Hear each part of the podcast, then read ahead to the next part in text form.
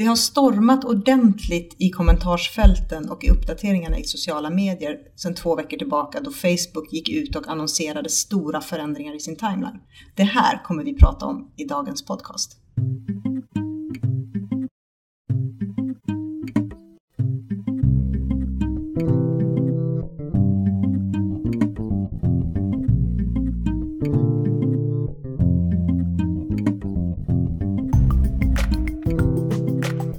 Hej, det här är podcasten Social by Default och precis som alltid är det jag, Sara Larsson Bernhardt, som tillsammans med Deeped Niklas Strand driver den här podcasten.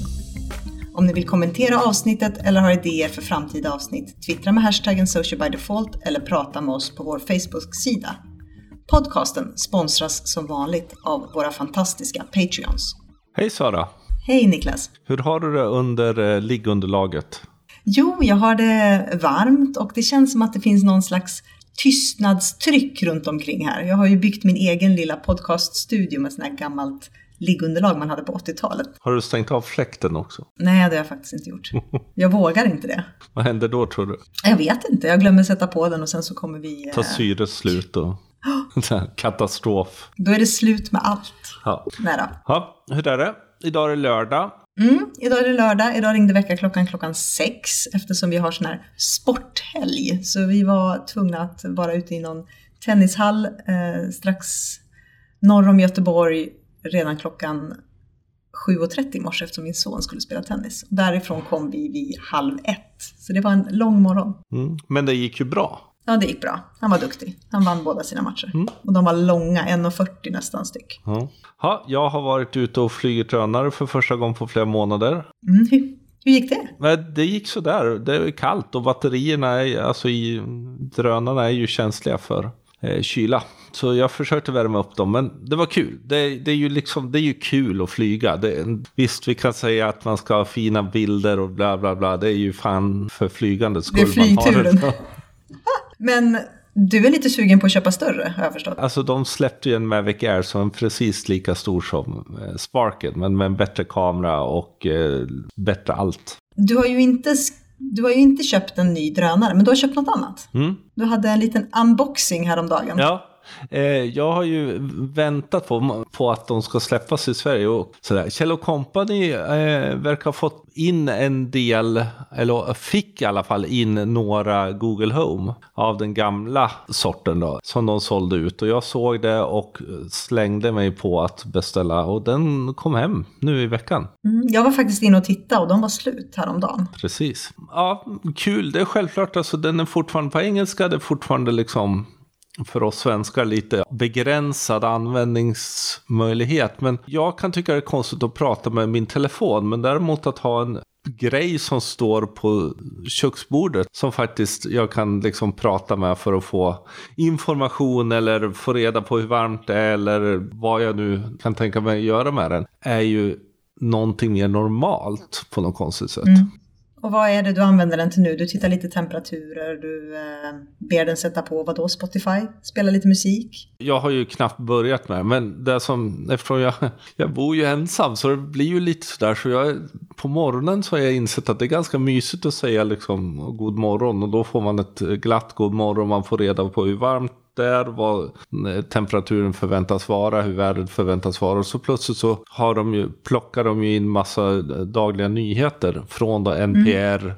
Fox, CNN och den där får stå och gå under morgonen medan jag gör frukost och sådana saker. Så det, det, men det är ju fortfarande, det skulle vara fantastiskt att ha liksom svenska nyheter i det också. Istället för att ha tvn stående och gå in i ett annat rum. Framförallt du som går upp typ 5 för att ta tåget 5.35 till Stockholm. Mm. Det är spännande och jag, jag, tror ju att vi kommer se generellt en utveckling av helt andra interaktioner. Eh, framförallt röststyrningen. Den är, den är ju liksom, all, allt blir ju röststyrt framöver. Men nu är ju du tekniskt lagd. Och du är ju inte liksom främmande för att experimentera med saker. Men för en vanlig människa, är det lätt att sätta igång en sån här Google Home? Ja, men det, har man ett Google-konto så kopplar man bara ihop dem med Google. Google Home-appen i sin telefon.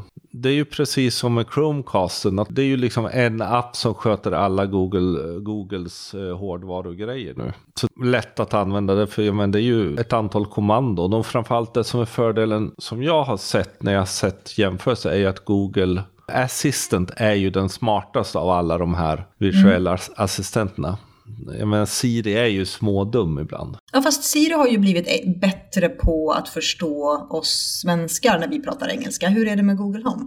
Fattar den bad English? Ja, då, den fattar okej. Okay. Men, men det som är fascinerande med Google Home är ju att du kan ju ställa ett antal frågor som bygger på varandra och den håller kvar logiken i det. Mm. Det klarar ju inte Siri. Hon blir ju stendum så fort man ställer en följdfråga. Liksom. Och på så sätt så finns det, det är ganska fascinerande hela den AI som ligger i Google Assistant. Och där där tror jag vi kommer se jätte, jättemycket. Och jag tror att i det här fallet så kan det också bli intressant att se när kommer det första röststyrda eh, gränssnittet för sociala medier till exempel. Varför skulle man inte egentligen kunna ha en eh, låta Google Home läsa upp alla tweets i sitt flöde egentligen? Ja, eller jag tänker mer kundtjänst istället för kundservice istället för att svara på frågor i till exempel Messenger och skriva ner dem, att man faktiskt kan prata in dem. Då skulle man ju spara ännu mer tid. Ja, dels eller, eller att låta botarna också kunna prata. Mm. Framförallt när Facebook får igång sina sådana här saker. De har ju lagt ner M som de hade jobbade med. Men bara för att de lägger ner någonting innebär ju inte att de slutar utveckla. Utan det är ju mer mm. någonstans att man hittar ny. Det ryktas ju om att Facebook håller på med något som ska heta Portal som är helt enkelt en, framförallt gentemot Alexa, mm. den här med skärm. Så vi får se, det är klart att det här lite kul att ha. Ja, men för mig är ju liksom, kostar inte skjortan så vill jag kunna pröva saker. Som och för de som är nyfikna då, vad, vad fick du betala för den här? 1700. Och det är ju ändå ett ganska överenskomligt pris. Ja. Jag menar det, det är som ett par airpods och det har du ju köpt två par så att det kan du ju lika väl köpa en Google Home också. Ja. Men någonting annat som har hänt är ju att i förra veckan så var det ju en konferens i Stockholm för offentlig sektor. Mm. Och du var moderator.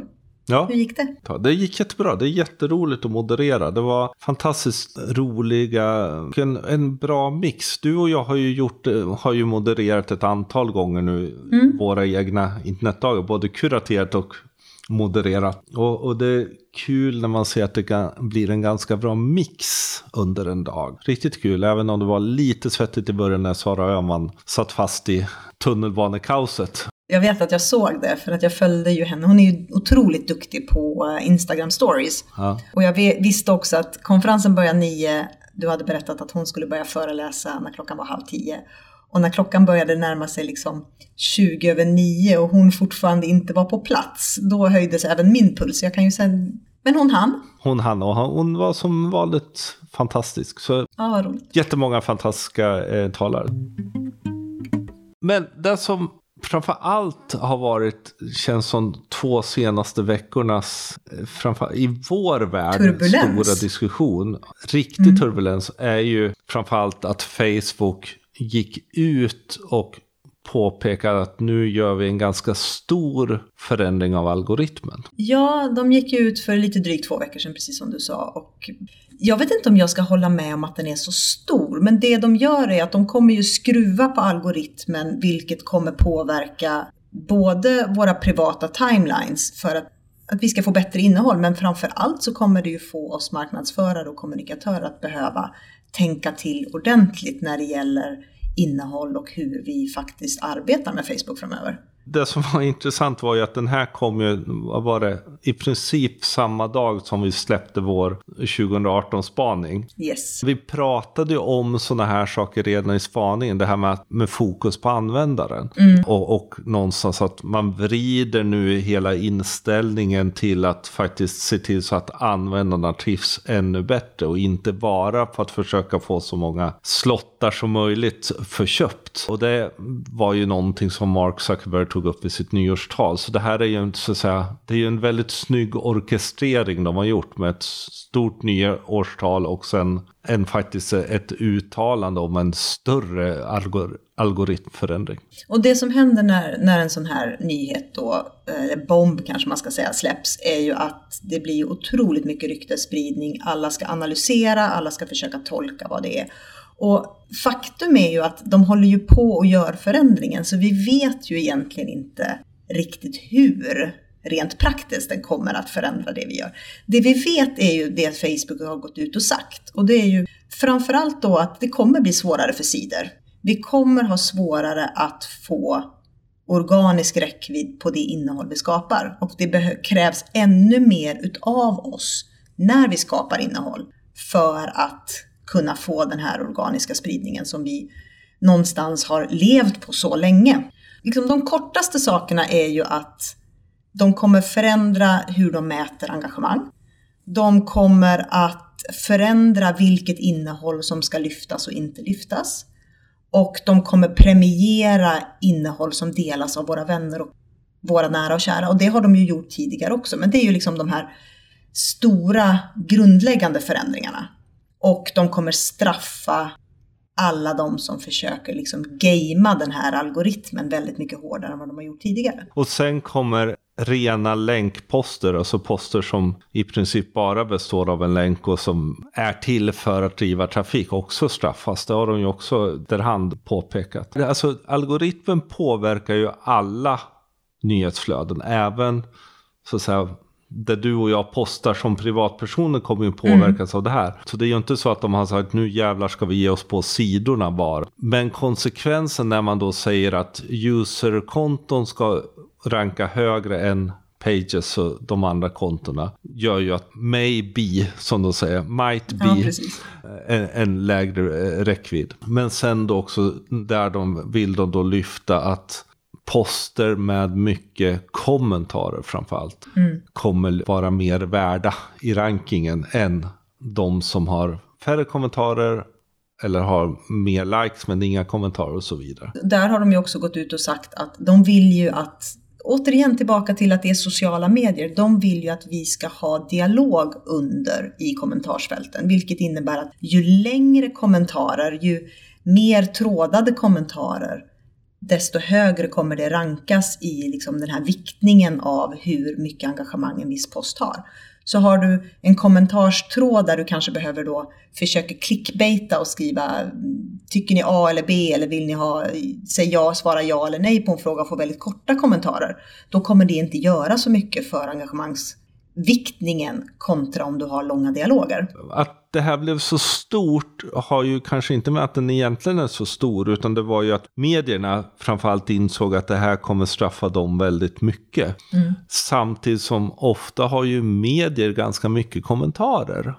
Eh, mm. Och ganska många långa. Så, så det är ju inte alls säkert egentligen. Det som man däremot har sett de senaste månaderna innan den här är just att medierna har haft en uh, klart lägre reach generellt. Mm. Vilket gissningsvis inte har med den här förändringen att göra utan snarare har med det som Facebook gör runt fake news och liknande. Sen en, en sak som också medierna kan då råka ut för som den här nya uppdateringen också kommer behandla, eller vad man ska säga påverka, är ju antalet poster som vi publicerar varje dag. För medier har ju haft en förmåga att faktiskt spruta ut sig uppdateringar. Vilket vi som, som arbetar på företag eller har liksom organisationer och liknande inte direkt gör. Vi har ju oftast en svårighet att kanske få att kunna lyckas uppdatera med tillräckligt bra innehåll varje dag. Medan vissa andra medier och framförallt om vi tittar på hur det ser ut i USA, ja men då ligger man ute och pumpar ut 10, 15, 20 poster på Facebook varje dag och det kommer idag att straffa sig. Ja, på något sätt kommer det ju genom att du antagligen inte får så mycket kommentarer på det. Så, alltså, så det är ju antagligen inte så att mängden är problemet utan mer att har du en stor mängd så hinner du inte få interaktionen på dem. Nej. Vi lyssnade på en eh, FB Live med Social Media Examiner. Där mm. det var två snubbar som satt och pratade. Vi försöker hitta tillbaka den och länka det. De pratade ju också det här att nu behöver vi göra mindre innehåll. Och ja, de sa här, vi har gått ner från eh, nio per dag till både du och jag var så här, eh, what? Och, och där är det ju också då, för jag menar, vi har ju länge pratat om, och det har vi gjort i Sverige och du och jag har pratat om det väldigt länge och haft det i våra kurser, just den här vikten av att skapa innehåll som är relevant för mottagaren utifrån ett antal olika parametrar. Mm. Och sprutar man ur sig poster, 9, 10, 11 poster varje dag, då kan du inte baka in allt det som krävs, utan det blir ju ett inifrån och ut och ett väldigt mycket push. Mm. Och det är ju det här de vill komma ifrån någonstans, att hela tiden sätta användaren i fokus. Och jag tror att generellt sett så har vi varit ganska duktiga på det i Sverige, åtminstone inom vissa sektorer eller vissa branscher som faktiskt har jobbat strategiskt med riktig content marketing på Facebook under en väldigt lång tid. Men samtidigt så har vi ju hela tiden en drivkraft att liksom Facebook ska driva trafik. Det är egentligen det som fe- är Facebooks mening. Självklart när det handlar om att, så att säga, skapa leads eller konvertera så idag så finns det inget bra sätt på själva Facebook att göra. Men det blir ju till slut lite det här att mm, Facebook vill ju faktiskt att vi ska vara där också. Och vi vill ju vara där också. Ja. Det, vi vill ju inte gå någon annanstans när vi är där. Åtminstone så känner jag att det ska, och det är min egen personliga reaktion eller känsla, men det ska mycket till för att jag ska klicka mig ur Facebook när jag är på Facebook. Ja. Samtidigt om jag då sätter mig i den roll jag är idag så är det också läskigt att skapa innehåll utan att liksom någonstans hänga på den där länken, Ja. om ifall att-länken. ja. Eh, Så det blir ju en förändring. Vi har ju pratat rörligt, alla pratar rörligt och så plötsligt kommer Facebook och lite säger att ja, men video är, är passivt. Så det är inte så intressant. Ja, så vi vet liksom inte, för vi har ju ändå också sett att, att Facebook vill ta den här rollen av att bli någonstans nya YouTube. Och så helt plötsligt så kommer de och säger att ja, fast alla ni som gör videos, nu behöver ni tänka till. För ni behöver göra videos som skapar interaktioner och dialog och konversation. Mm. Och då hamnar vi någonstans i en vågskål. Så vi får väl se vad som sker och börja titta på hur våra videovisningar går och se, titta på liksom våra siffror och vår, vår engagemangsgrad för att om kanske en månad eller två när de har rullat ut det här ordentligt fundera på vad var det egentligen de menade. Eftersom de samtidigt nu försöker starta Watch, de försöker bygga ett kreatörsnätverk runt video i Facebook, vilket innebär att med ena handen så säger de det kommer antagligen bli less video watch time. Och med andra säger kom hit och gör det, lägg dina videor här istället. Och då blir det liksom lite dubbelt. Så det är frågan om de tänker låta watch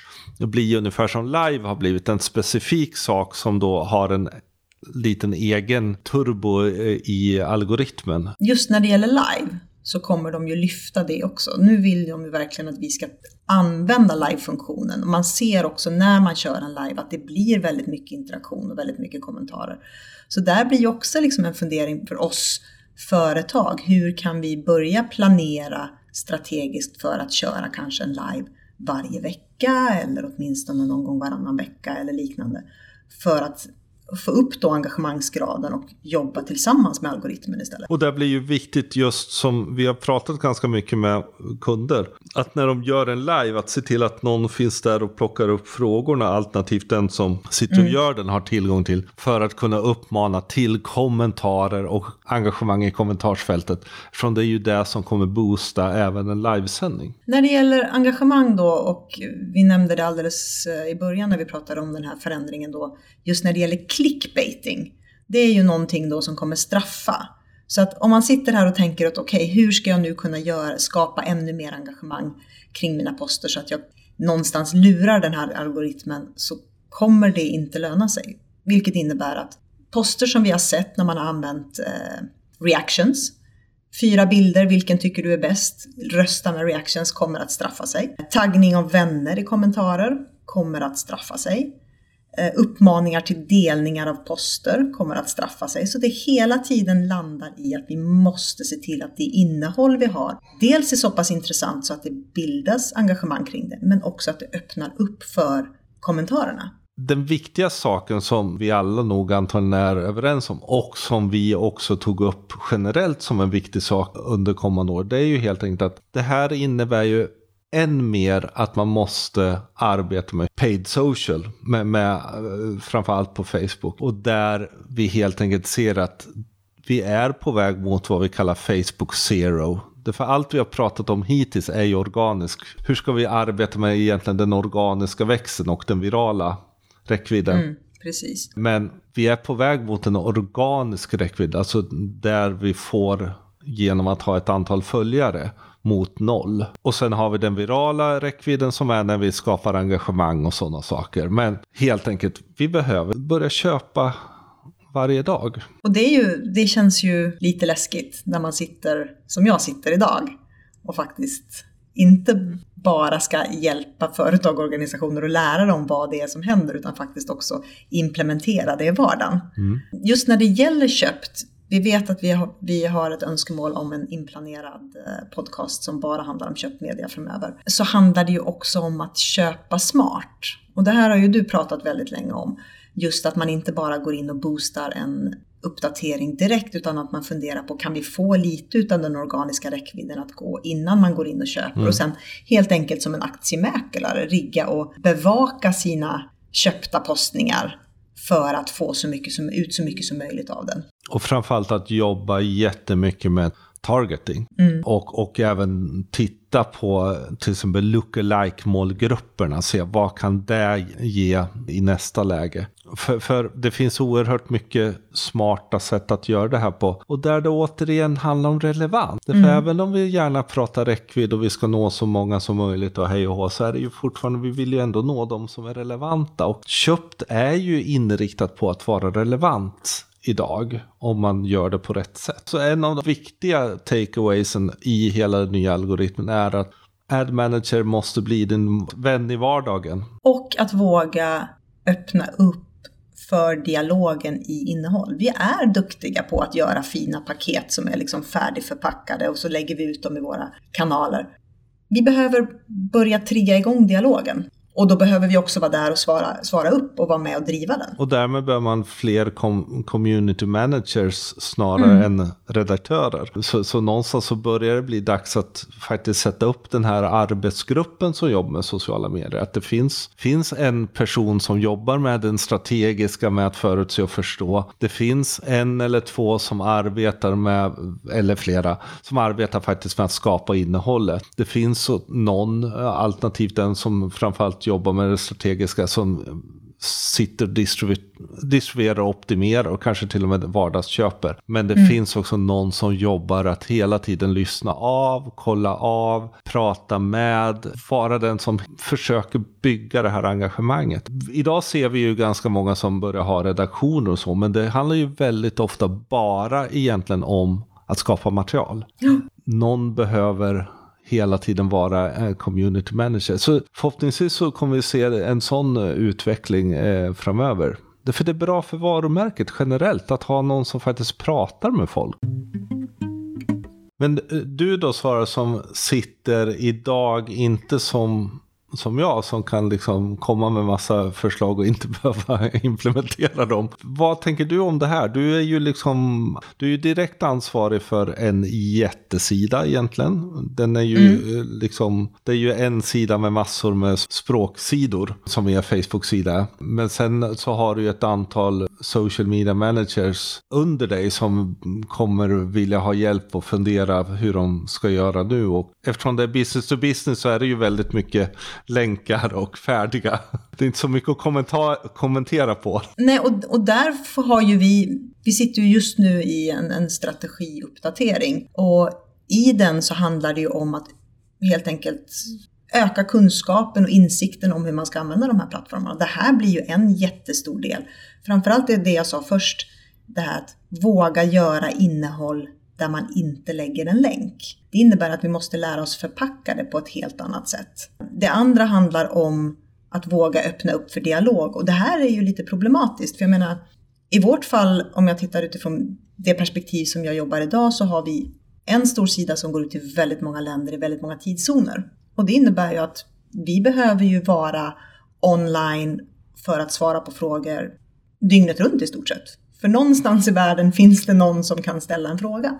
När det gäller våra andra social media managers som sitter och jobbar landspecifikt eller marknadsspecifikt, de behöver ju lära sig samma sak men också förstå att man behöver vara där och driva på dialogen och inte alltid bara ge ett färdigt svar. Och det här kommer ju ta en del invändning såklart, men också kommer ju ta en, en del tid. Precis som du säger, vi behöver ju någon som är med och kommunicerar och inte bara svarar för att kunna sätta en punkt och kunna jobba vidare med något annat. Så det här kommer ju bli en förändring som vi får jobba både kunskapsmässigt tillsammans men också att utvärdera och titta vad har vi möjlighet att göra och vad måste vi göra. Antagligen så behöver man, om man har strategier och så, behöver man åtminstone titta igenom dem om, om det finns någonting man behöver revidera. Mm. Lite som vi var inne på början, egentligen så är det här inget nytt. Nej. Det är bara att de har gasat på det lite extra. Alla ni, eller vi får jag ju säga då, som har suttit och skapat bra innehåll där vi faktiskt har funderat på vem är mottagaren, vad har mottagaren för behov, hur kan vi svara upp för det och skapa ett innehåll. Ja, men vi kan vara ganska lugna. Det är väl snarare de som har suttit och pushat ut säljinnehåll eller använt kanalerna mer som digitala anslagstavlor som behöver dra öronen till sig och fundera på okej, okay, vad, vad behöver vi göra för att inte straffas ut ordentligt av den här nya uppdateringen. Och det var i stort sett det vi hade idag. Om, jag hoppas att vi har givit er lite nya insikter, eh, tankar, lugnat er som kanske har varit uppstressade av den här eh, nya Facebook-uppdateringen. Vill ni läsa om det som vi har pratat om idag så skrev du Niklas en bloggpost på jmb.se om just Facebooks nya algoritmer och den här uppdateringen. Vi lägger självklart en länk till den och alla våra länkar lägger vi i show notes och de hittar ni på podcast.socialbydefault.se.